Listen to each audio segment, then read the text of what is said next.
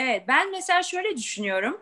Eskiye göre insanın düşünceleri de değişiyor. Bence hani eskiden derlerdi ya aslında o hep vardır. Aşıkken evlenme derler mesela. Niye aşıkken evlenme derler? Çünkü aşk o kadar hakikaten anlattığınız gibi güçlü ve hani yakıcı ve bambaşka bir duygu ki hani ne olacak aşk bitince kiminle evlendiğini bile bilmiyorsun ki aslında gerçek anlamda aşıkken. Hani apayrı bir şey. Bilmiyorum ben e, dediğin gibi. Aşıkken evlenme diyen de tabii ortaya bomba gibi düşürdü. Bak sloganına bakar mısın? Aşıkken evlen. Ne zaman evlenecekmişsin?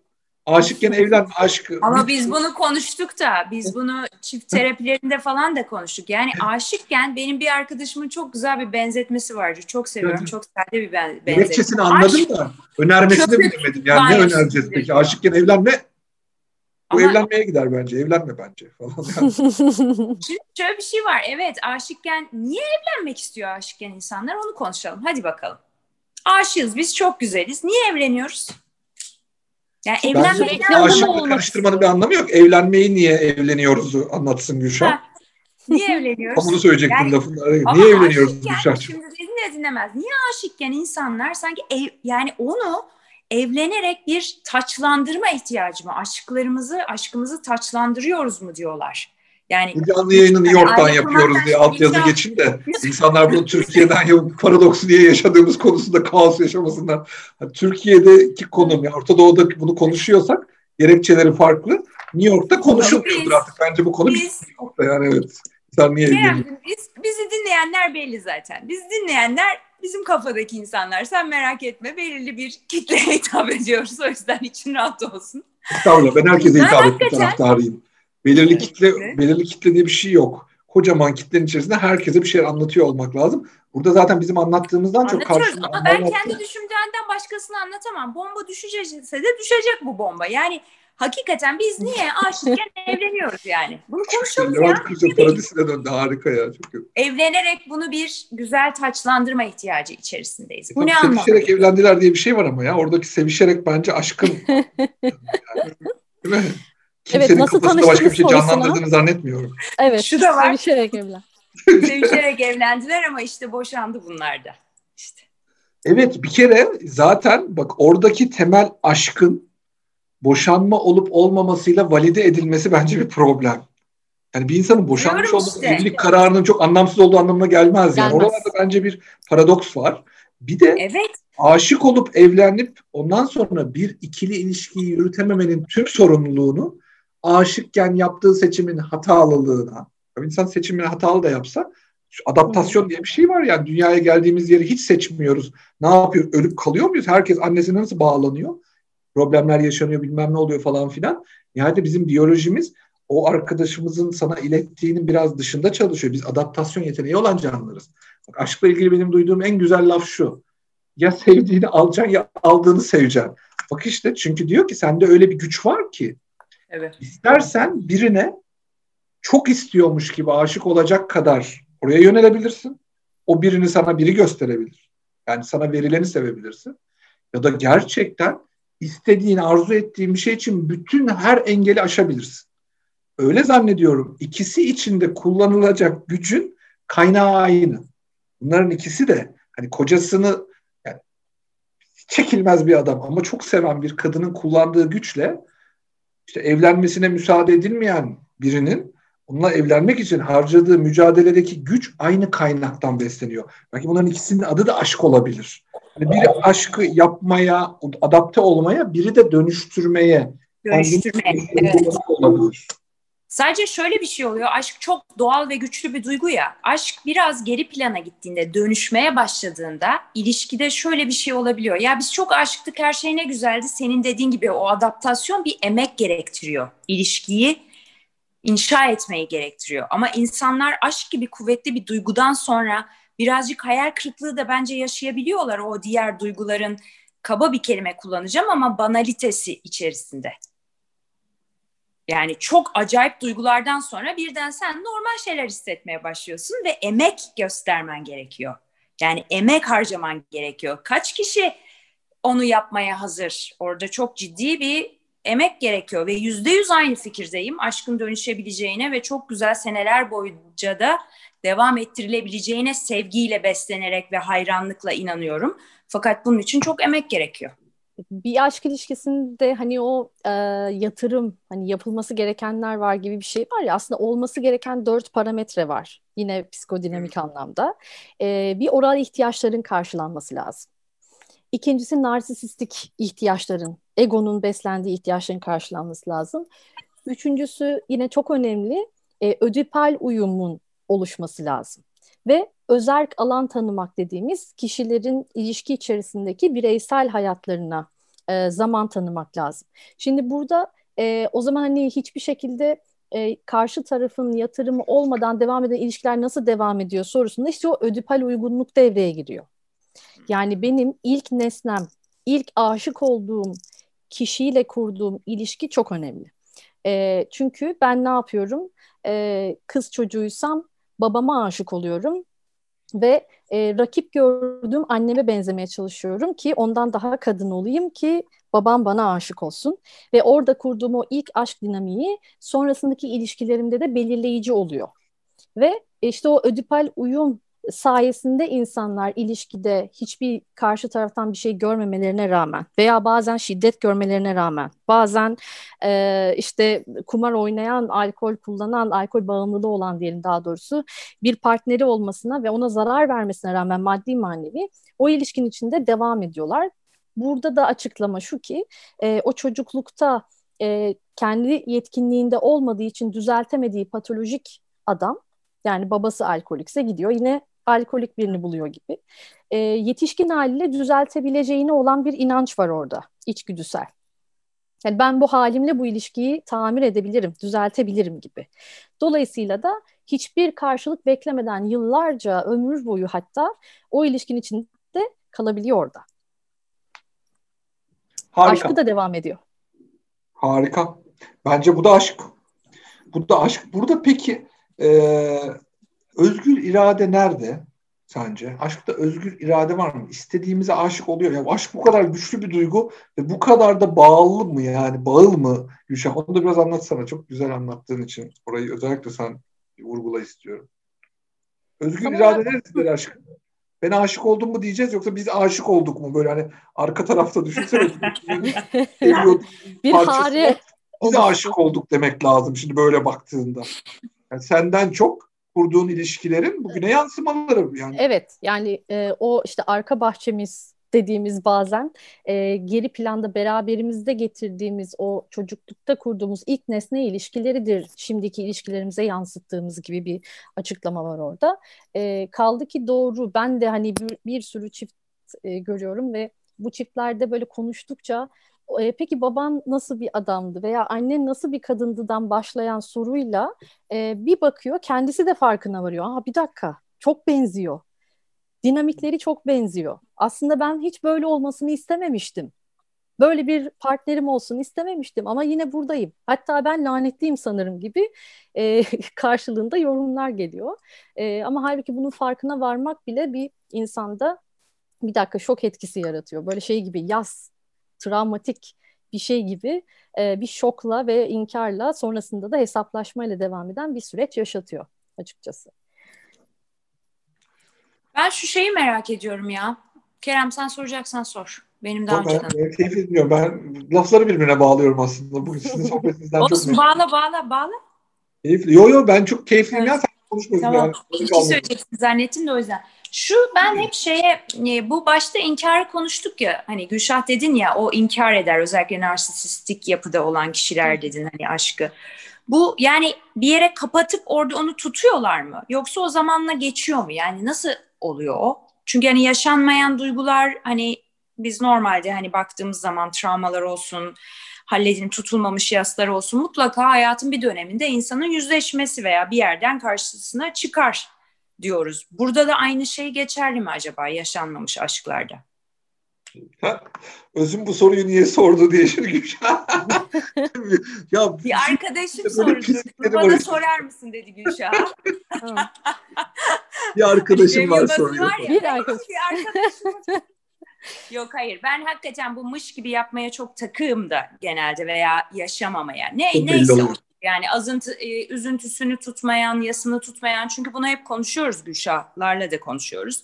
Bunlar hep insanın hayatını sonradan e, Kerem olumsuz etkiliyor. O yüzden merak ediyorum. Çünkü aşk hani ne bileyim bu bir yas değil. Hani aşkını yaşamışsın, yaşamamışsın. Çünkü bana etkilemezmiş gibi geliyor ve hani o orada sönermiş gibi geliyor. Ben doktorumuzun, uzmanımızın düşüncesini merak ediyorum bu konuda. Çünkü bana göre yaşanmaz o söner gider hani. E, zaten aslında orada inkarında yaşıyor derken farkında değil onun demeye çalışmıştım ben. Yani hmm. inkar ediyor ama bunu bilerek bilinç seviyesinde farkında olarak yapmıyor aslında. Ama farkına vardığı ve kırıldığı bir nokta olursa o zaman zaten kişi rahatsızlık duyuyorsa bununla ilgili değiştirmek istiyorsa destek alıyor. Yani kişilik karakter özellikleri zaten veya kişilik patolojileri de diyebiliriz buna. E, kişi memnunsa e, bizim zorumuzla değişmesi gereken şeyler değil. Evet. Kişinin kendine kendinin farkına varmasıyla değişebilecek şeyler. Yani biz orada ne ilaç verirsek ne terapi uygularsak uygulayalım zaten değişmiyor. Kişinin kendi farkındalığı ve değiştirmek istemesiyle e, biz bir şeyler yapabiliyoruz diyebilirim. Rehberlik ediyoruz ya da.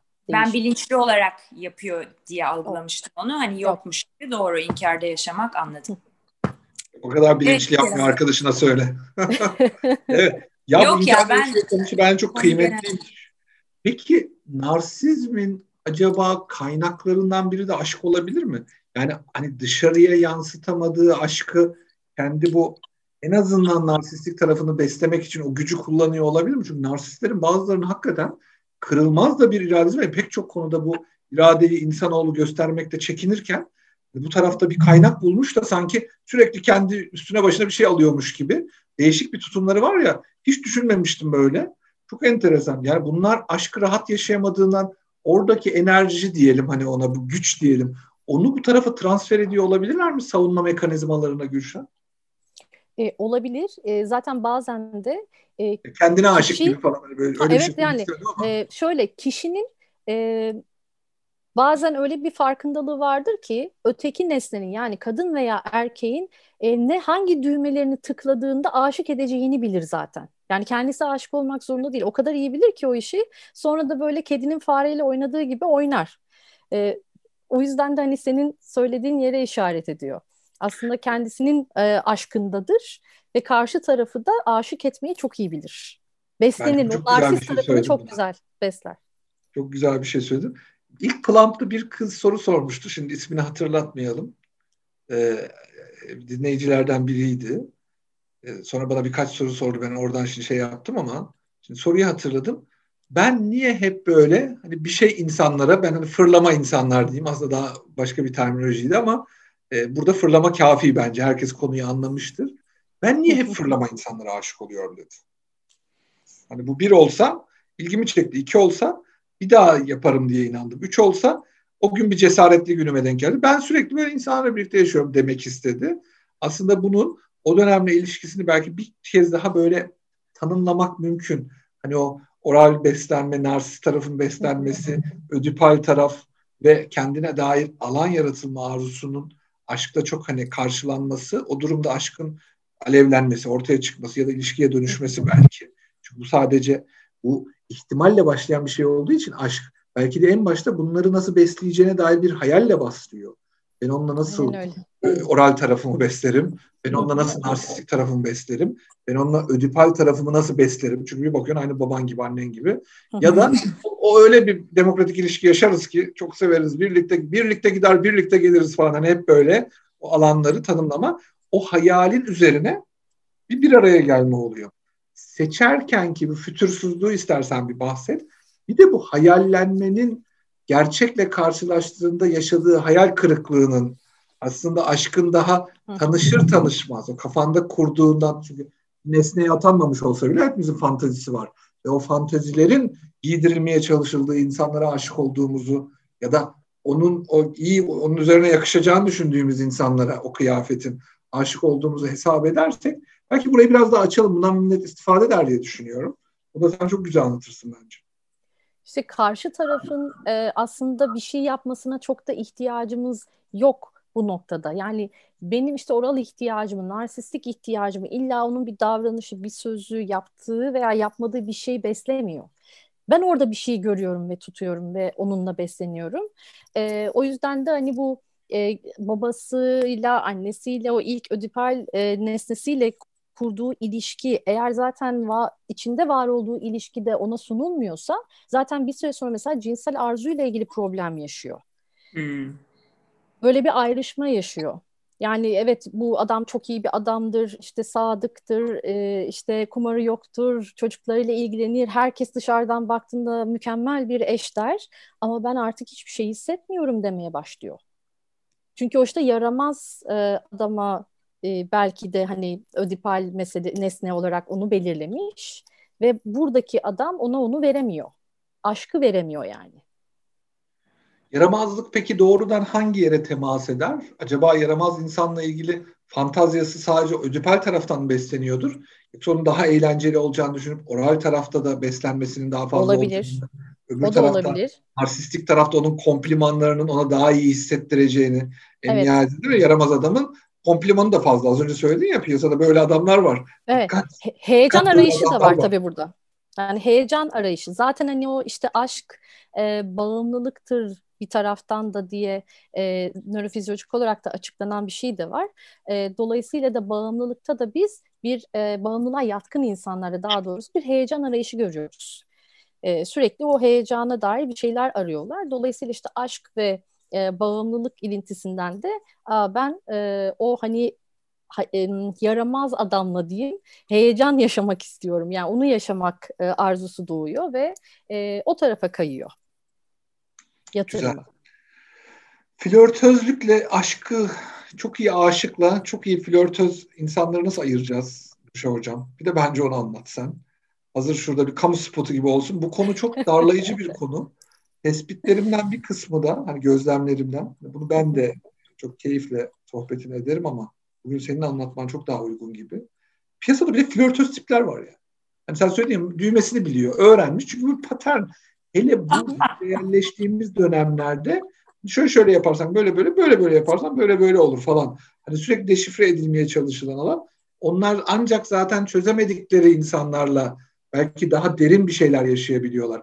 Çözümlü insanlar sürekli çok yüzeyel, çok sıradan ve burada e, belki bir şeyin daha altını çizip sana onu topu öyle atmak lazım. Hı hı. Şimdi kadın cinselliğinde konu hep şeyle ilişkilendiriliyor. Kadın aşık olmazsa cinsellik yaşamaz. Kadınlar bunu aşmaya çalışıyor. Farkında olduğunuz üzere. Ya kadınlar bu nereden çıktı kardeşim böyle bir sorumluluk olur mu? Erkekler herkes yaşayacak biz sadece aşık olduğumuzda yaşayacağız gibi. O alana sıkışmaktan muzdarip. Erkeklere de sürekli şu atıfta bulunulmuş. Kim denk gelse hani yani hani o gün denk geldiği yerde değil mi? O tanımlanıyorsa onun zihninde hemen değil mi yani adamın öyle bir ihtiyacı var. Erkek de sürekli bu tarafta adlandırılıyor. Ama senin az önce söylediğin gibi bir ilişkinin içerisinde eğer aşkla alakalı bu sub gruplarda bir eksiklik varsa orada cinsellik çok çok bozuluyor. Aslında oradaki mit çok yalan değil. Aşkın yaşandığı yerde doyurucu bir cinsellik vardır dememiz lazım. Bugün şimdi kadın aşkı yaşayamadığı yerde cinsellik yaşıyorum zannediyor. O onun riski. Kötü olarak maalesef o zaman. Değil mi? Çünkü bunu gerekçe görüp gösterip ayrılmayla alakalı kadında çok az belki kod tanımlanmış. Umarım bu dönemde daha çok değişiyor. Bir kız babası olarak bunu hep söylerim her fırsatta. Bunu inşallah hiç konuşmayacağımız günler gelir. Tam tersine bence burada daha travmatik olan erkek cinselliği. Erkek sürdürmek zorunda da hissediyor. Pek çok kadın bunu kapatıp işteyse hayatın başka bir sürü rengi var kardeşim deyip yani hayatta cinsellikten ibaret değil erişkin bir insan için diyebilir. Erkek tarafında bunu sürdürmek sürekli daha fazla yıkım yaşamak, sürekli Doğru. daha fazla tatminsiz ilişkiler içinde kendini kötü hissetmek ve maalesef aynı dönemde değil mi performansını başka yerlerden tamamlamaya çalışmak. O aşkın eksikliğini ilaçlarla gidermeye çalışmak gibi tamamen paradoksal bir cinsel hayat oluştu bence. Buna nasıl bakıyorsun? Seni gözlemliyorsundur diye düşünüyorum o alandaki tecrübelerinden. Öyle bir geri bildirim çok fazla oluşmaya başladı. Yani evet. aşk olması gereken bir şey aşksızlıktan ya uzaklaştırıyor bir grubu. Grup demek daha güzel. İçinde erkek de var kadında. Bir grubu da patolojik bir şekilde zaten tanımın içinde olmayan şekilde burada bir performans veriyor. Belki de burada çok fazla hani fantazinin ötesinde fetişistliğin oluşması, hani işin içerisine aşk tarafından eksik kalan şeylerin başka şekilde eklemlendirilmesi ihtiyacı da gündeme geliyor olabilir. Bu konuda aslında senin bilgilerini alsak çok iyi olur. Teknik bir konu çünkü. Çok evet. güzel bir şey oldu ama sosyolojik bir e, şey oldu. Çizdin yani. Daha mesaj gelirse bizim bir arkadaş diye bir mesaj gelir diye düşünüyorum şimdi. evet. Ağzına sağlık. Ay çok Yok, gayet herkesin yaşadığı çok nazik. Yani. Aklına sağlık. Ama bence Gülşah bu alanda çok çalışıyor. Ben onu sosyal evet. medyadan da çok yoğun takip ediyorum. Bildiğini evet merak ediyorum ben. Evet yani bu, bu evet. konudaki şey çok kıymetli. Evet. Şimdi cinsellikle ilgili e, son zamanlarda çok fazla yaşanılan bir sorun işte bu eşik değerin çok yükselmesi durumu.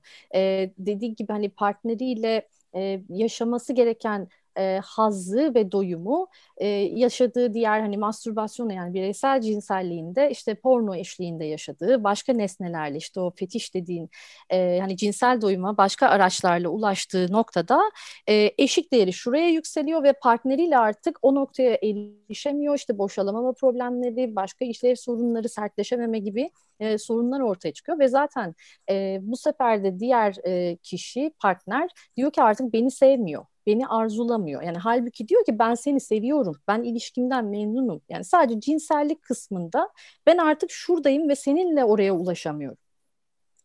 Ve burada da partnere spesifik cinsel isteksizlik dediğimiz bir e, konu ortaya çıkıyor. Ve o partnerle artık cinsellik yaşayamayan bir kişi olduğunda biz klasik cinsel terapide onları terapiye almıyoruz. Çünkü cinsel istek e, o kişiye dair tamamen bittiyse yeniden canlandırabilir canlandırılabilir bir şey gibi kabul e, edilmiyor şu anda klasik cinsel terapide. Bence çok doğru. Ben hani bu konu benim de tabii aile terapisi, cinsel terapi eğitimlerinde bu konu çok altı çizilmesi gereken bir konu. Evet. Çünkü bu ilişkilerin temelinde işte özellikle değil mi oral dönemde beslenmesi gereken kısımda bunlar da çok fazla ilişkilerin temelinde o cinsellik beklentisi var bir kere yani işte yatağı olmayan evlilik olmaz vesaire bu halk arasında konuşulan şeyler bunlar. Hı hı. Ve nihayetinde burada insanlar kendinde kusur aramaya başlıyor. Bugün bu ekstra donanımlar, fetiş sayabilirsin, porno bağımlılığı sayabilirsin. Ben orada çoğu ekstra marital işte o evlilik dışı ilişki değil mi? Hı hı. Evlilik dışı ilişkinin pek çoğunu bugün artık aşk ve alternatif bir ilişki olarak tanımlamak bile mümkün değil. Hani bir pornografik unsurdan, hı hı. bir fetiş hı unsurdan öte bir şey değil. Sadece onun zenginleşmesi gibi. Anladın mı? O hani deney düzeneği gibi. O da çok yıpratıcı. Bir evet. insanın alternatif ilişkisi eğer aşk içeriyorsa bu belki her ortamdaki herkes için çok besleyici bir şey olabilir. Aşkını yitiren insanlar için de olabilir. İnsanlar birbirinden sürekli bir şey öğreniyor. Ama maalesef bunun bu fetişle ilişki, porno bağımlılığıyla ilişkili ilişki tabiatı besleyici değil bir yandan tüketici. Tüketici yani eritici biliyorsun. Çünkü beslenmediğin bir şey ama sürekli zihinsel olarak sarfiyatta bulunduğun bir alan. Yoksa beslendiğin durumlarda bunların bile kısmi olarak ilişkiler içerisinde konumlanması tavsiye edilen bir şey. Evet. Cinsel terapide de bunun yeri var. Çünkü cinsel hayatın renkli olması başka, rengarenk bir cinsel hayat tecrübe yolculuğunun içerisinde kendini kaybetmek başka. Çünkü oradaki o renkler bir yerden sonra aslında tamamen sanal renkler. Yani hani e, arkadaşlar arasında kağıt oynamak tamam ya işte aile arasında kağıt oynayalım başka bir şey de yani Las Vegas başka bir yer. Şimdi Las Vegas'a gittiğinde artık orada gerçek dünya yok. Bu yeni dünya, yeni tanımlanan dünyanın içerisinde kayıp birçok insan var. Bugün öyle zannediyorum ki bu çok güzel bir vurgu oldu.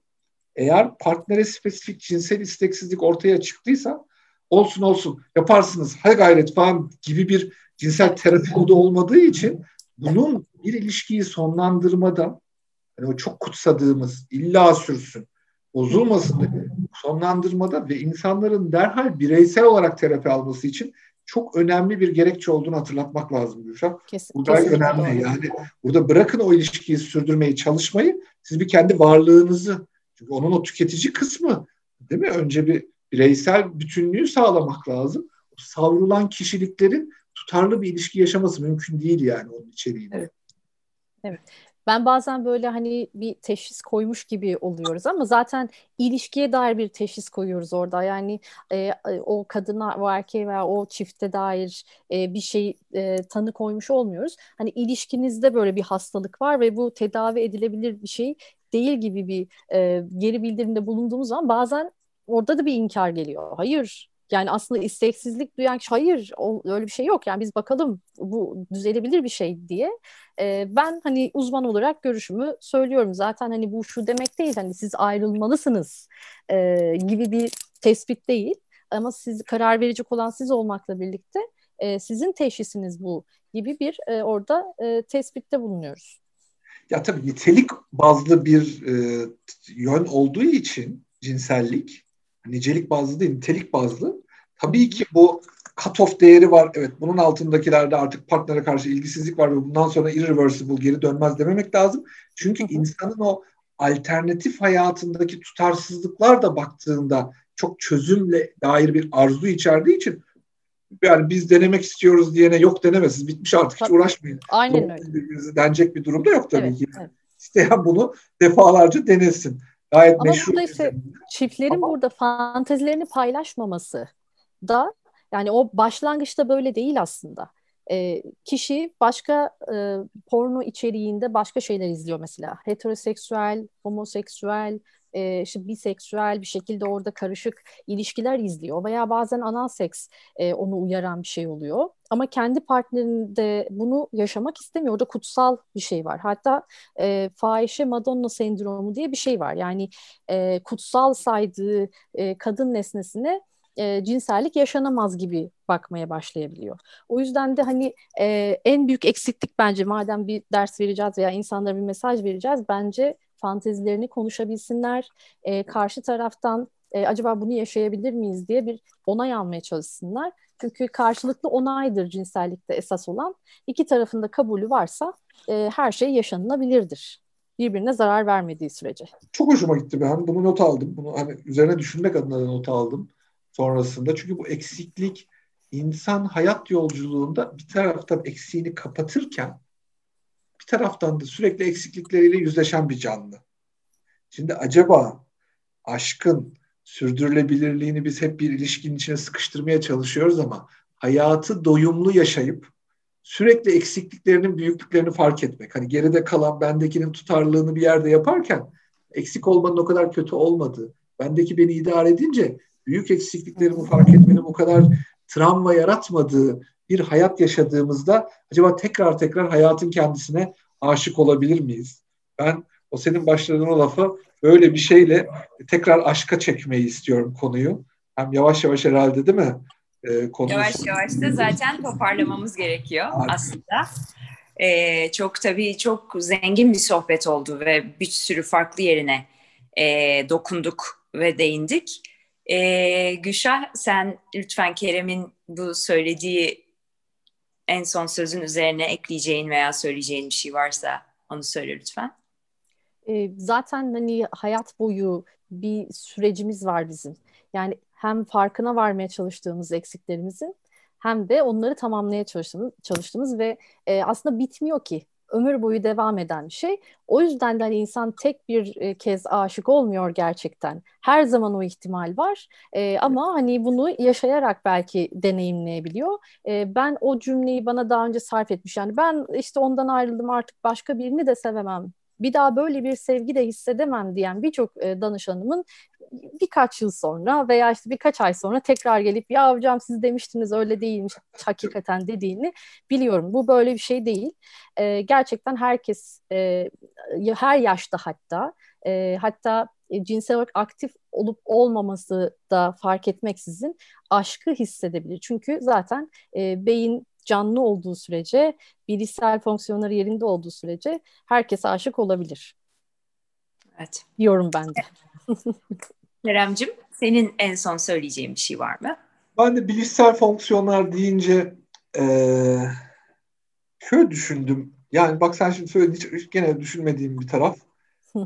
Aşkın e, bilmeyle alakalı kısmı kadar hatırlamayla alakalı kısmı da var. Mesela Alzheimer evet. olunca tabii pek çok fonksiyonu kaybediyoruz ama belki de çok özel bir gücümüzü kaybediyoruz. Hatırlayamayacağımız şeyler olduğu için hayatın bundan sonra kısmı belki de orada tutku kayboluyor.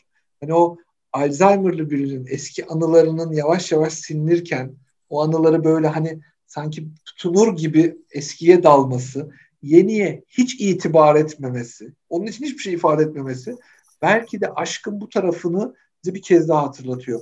Aşk yaşamak için hayat çok değerli ama hayatı değerli kılan şey de hatırlanası şeyler yaşamak. Yani o aşkı tekrar tekrar tekrar tekrar üstünden geçilebilir, içinde oturulabilir. Belki sürekli etrafımızda bulundurulabilir bir şey yapabilmek.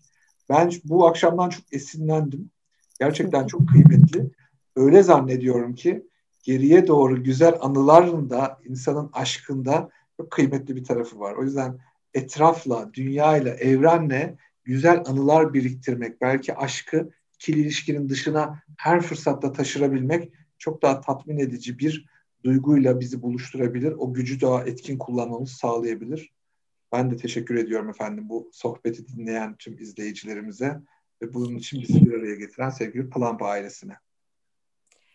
Ben ikinize de çok teşekkür ediyorum. Ruhunuza, bilginize, emeğinize sağlık. Zaman ayırdığınız için çok teşekkür ediyorum. Çok keyifliydi. Kafamda birçok soru var. Bunları buraya bir dizmek istiyorum öncelikle. Ee, bir tanesi şunu merak ediyorum ben. Ee, mesela biz aşkı konuştuk. Ee, e, yani bu ilişkide aşk nasıl devam eder onu bir konuşmak istiyorum mesela. İlkinde de oydu. Sürdürülebilir ilişki egzersizleri. Onu mutlaka konuşmamız gerektiğini düşünüyorum. E, ikincisi özgür irade dedi Kerem. E, irademiz var mı dedi aşkta. Ben aşkın olduğuna ve bir şans olduğuna inanırım mesela. Şans derken yani hani luck yani hani başımıza gelen bir şey planlanmış değil, hedeflenmiş değil. Acaba aşk bir şans mı? Onu merak ederim. Onları bir konuşmak isterim sizlerle. E, katkılarınız çok kıymetliydi benim için de. Dinledikten sonra da eminim yani fırtına gibi geçti. Birçok şeyi de güzel bir yağmur fırtınası gibi. Birçok şey de sonradan aklıma gelecek. Onları da konuşuyor oluruz zaten. E, şununla kapatmak istiyorum. Kerem dediklerinden esinlendim. E, benim çok düşkün olduğum bir anneannem var 94 yaşında. E, biraz rahatsız Anneanne dayanamadım. Ellerinden öpüyorum. Çok, çok düşkünümdür. Çok yakınızdır birbirimizle. Sağ olun. Çok teşekkür ediyorum. Onun bir sözü vardır. Der ki yaşadığın yanına kar bu hayatta bir şey az sürdüğünde de mesela der ki aşk içinde e ne güzel anıların var daha ne der. Yani hakikaten çok kıymetli. E, herkese böyle hatırlayacağı güzel anılar biriktirmesini diliyorum. Tekrar teşekkür ediyorum. İyi akşamlar diliyorum. Allah'a ısmarladık. Görüşmek üzere.